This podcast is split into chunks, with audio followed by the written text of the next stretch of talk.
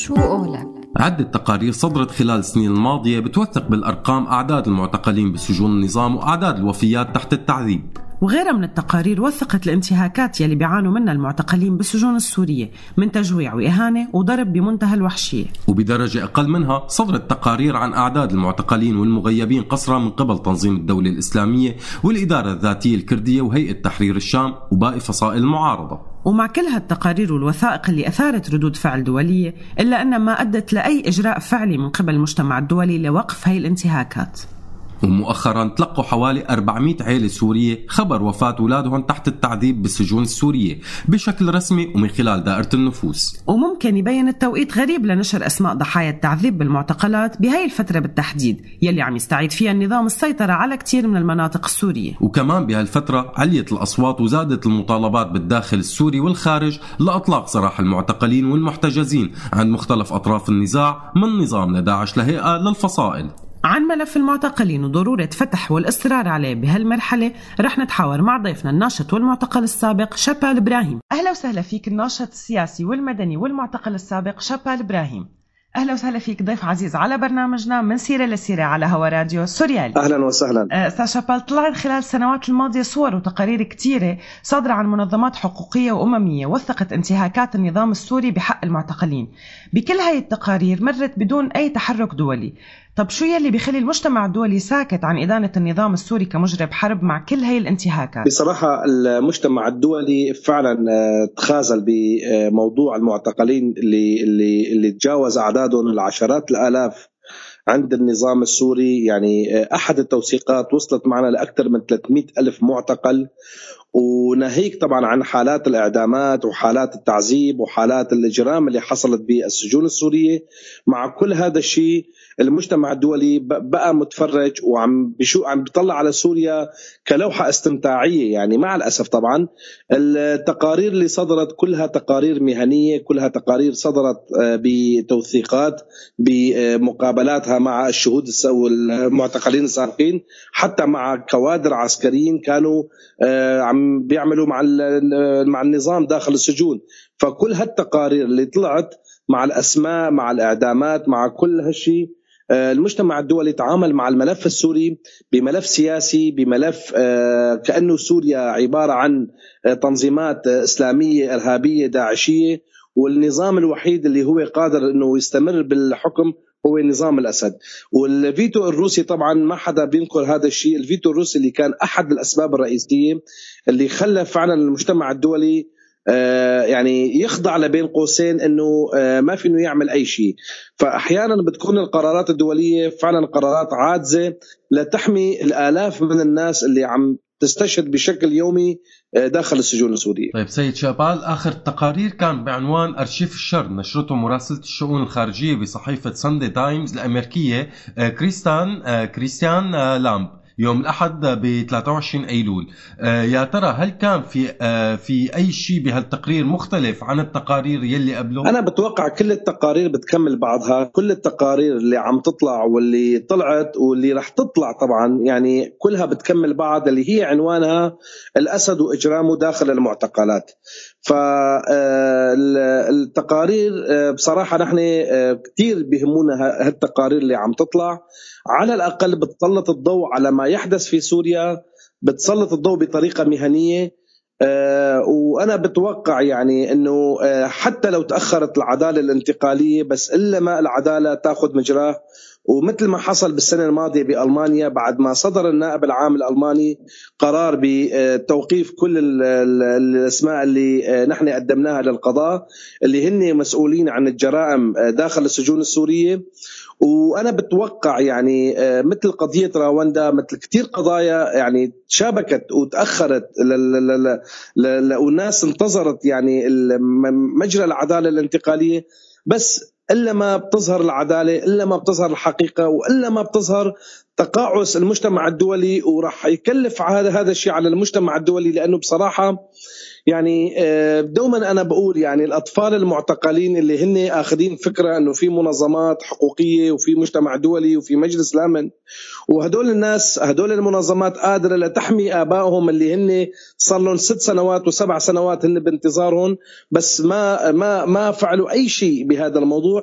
لهيك يعني آه، في مخاوف كثير في حتى يعني آه، دراسات بتأكد إنه آه، هدول الأطفال راح تولد عندهم حتى العنف حتى نوع من التمرد. فهذا الشيء اللي اللي كان لازم المجتمع الدولي بيمارسه ببداية 2011 و2012 يعني وكان بإيدها فعلا وسائل كثير لتنقذ الشباب. بس مع الأسف لحد اليوم المجتمع الدولي ما مارس دوره اللي اللي اللي مطلوب كان تمارسه من زمان يعني. تمام. طيب مؤخرا في مئات من أهالي المعتقلين تلقوا مؤخرا بشكل رسمي خبر وفاة أبنائهم تحت التعذيب.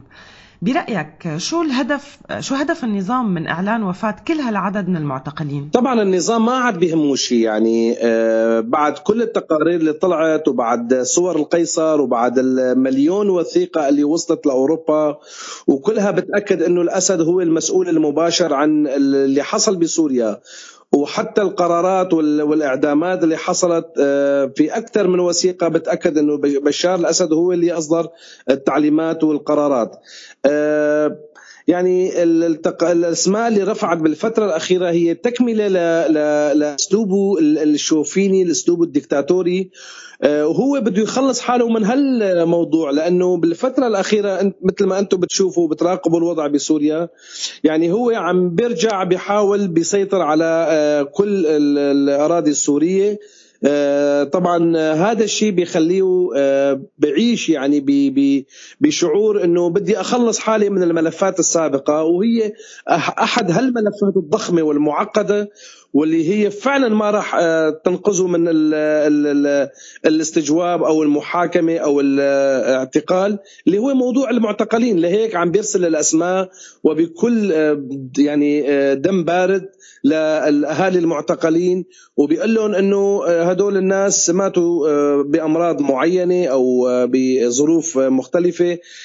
هذا الشيء بيأكد إنه بشار الأسد يعني آه، ما زال يمارس الدكتاتورية والإجرام والمجتمع الدولي طبعا عم يتفرج على هالموضوع بشكل آه، واضح.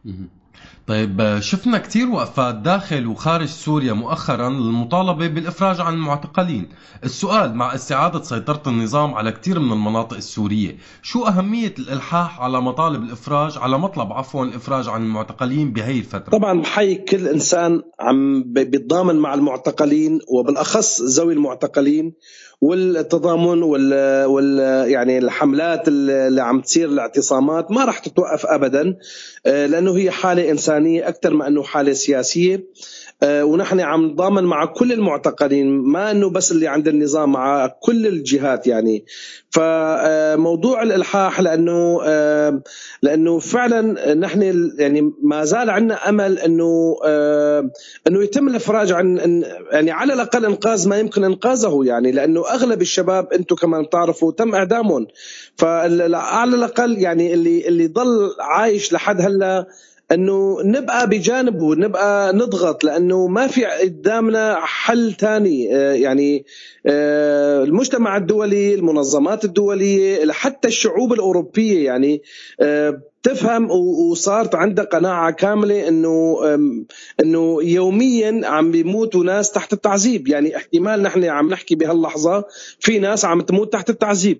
لهيك يعني ما ضل عنا غير إنه نتظاهر نتضامن معهم نطالب بحرية المعتقلين. يعني شو ما كان تفكيرهم السياسي شو ما كان تفكيرهم الديني ما ما بيهمنا هذا الشيء. بيهمنا إنه الناس ترجع لبيوتها لأولادها لأطفالها وتعيش على الأقل الفترة اللي ضل ضل لهم يعني. تمام. طيب كيف تتوقع المجتمع الدولي يتعامل مع ملف مع ملف المعتقلين بالفترة الجاية؟ هي هل يا ترى بتتوقع أي تغيير؟ المشكلة إنه آه، أحيانا نحن عم يعني عم نقنع أنفسنا إنه آه، المجتمع الدولي بده يمارس دوره.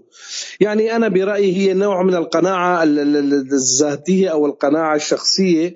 فالمجتمع الدولي أنا برأيي يعني عم يتعامل مع ملف المعتقلين كملف سياسي كملف تسوية سياسية كملف آه، يعني آه، يعني حتى موضوع إعادة اللاجئين متعلق بموضوع المعتقلين لأنه النظام إذا ما أفرج عن المعتقلين وما آه، قام بخطوات عملية لتخلي ناس ترجع الناس ما راح ترجع بالرغم إنه نحن كسوريين ما لنا ثقة بهذا النظام ابدا يعني النظام يعني الناس كلها تعرفت على النظام خاصة السوريين.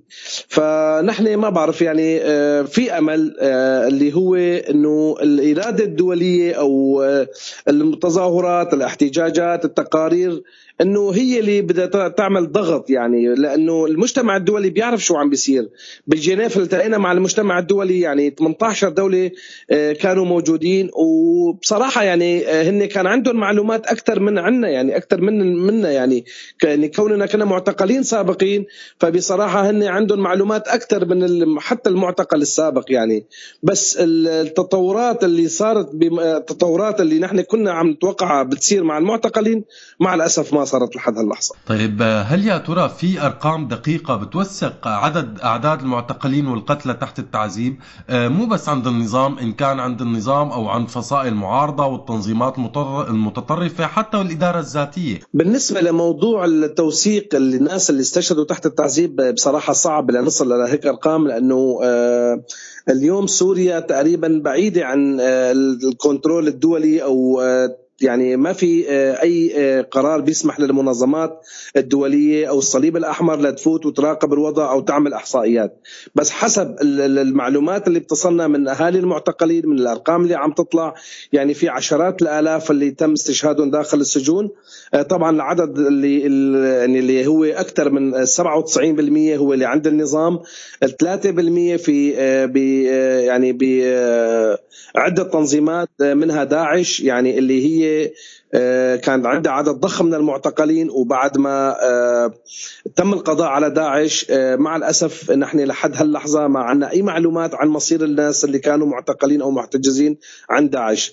لهيك صعب إنه أي منظمة أو أي جهة دولية توثق العدد بس أنا مع الأيام القادمة أنا بتوقع الأعداد راح تطلع الأسماء راح تطلع بتوقع في كوارث لحد هلا نحن ما آه، عندنا معلومات فيها بس في في كوارث راح تطلع بالمستقبل القريب. طيب شو بتتوقع يكون مصير المعتقلين عند فصائل المعارضة والتنظيمات المتطرفة؟ في حال انحلت أو تراجعت قدام سيطرة النظام؟ يعني بصراحة عن طريق آه، إذاعتكم كمان بوجه رسالة أنه أنه هالفصائل على الأقل تفرج على الناس اليوم قبل بكرة؟ لأنه هدول راح يكونوا يعني مسؤولين أمام القضاء يعني هن ما راح يفلتوا من من العقاب الدولي يعني حتى من العقاب المحلي لأنه آه، هدول الناس المحتجزين عندهم أو المختفين قسرا اللي ما عندنا أي معلومات حتى ذويهم ما عندهم معلومات. آه، إذا النظام حاول يسيطر على كل المناطق خاصة يعني آه، هلأ إدلب عم تشهد يعني مرحلة كثير يعني خطرة. ف يعني آه، راح يكون في تعقيدات. لهيك أنا بوجه رسالة إنه هن بيفرجوا عن كل المعتقلين آه، لأنه النظام بكرة يعني آه، راح يصفي المعتقلين تحت ذريعة إنه هن كانوا محتجزين لدى الفساد وطالما النظام عم بيعدم أو بيقضي على كل المعتقلين اللي عندهم خاصة السياسيين فما عنده أي مشكلة ليقضي على بقية المعتقلين اللي كانوا عند الفصائل لهيك يعني الفصائل خلي ترجع لعقلها شوي وخلي تعود يعني لمفهوم الإنسان الثاني إنه هدول الناس المعتجزين بالأخير هن السوريين ولو اختلفنا معهم. وفي قضاء وفي محاكمات يحاكموا الناس على الأقل وبعدين يعني آه، بيقرروا مصيرهم لأنه بهالوضع وبهالتعقيد رح تشهد يعني آه، مرحلة ثانية بسوريا. 100% بالنهاية سيد الشبال يعطيك ألف عافية وشكرا كثير لك ولوقتك شكرا لكم كمان وتحياتي. شو قولك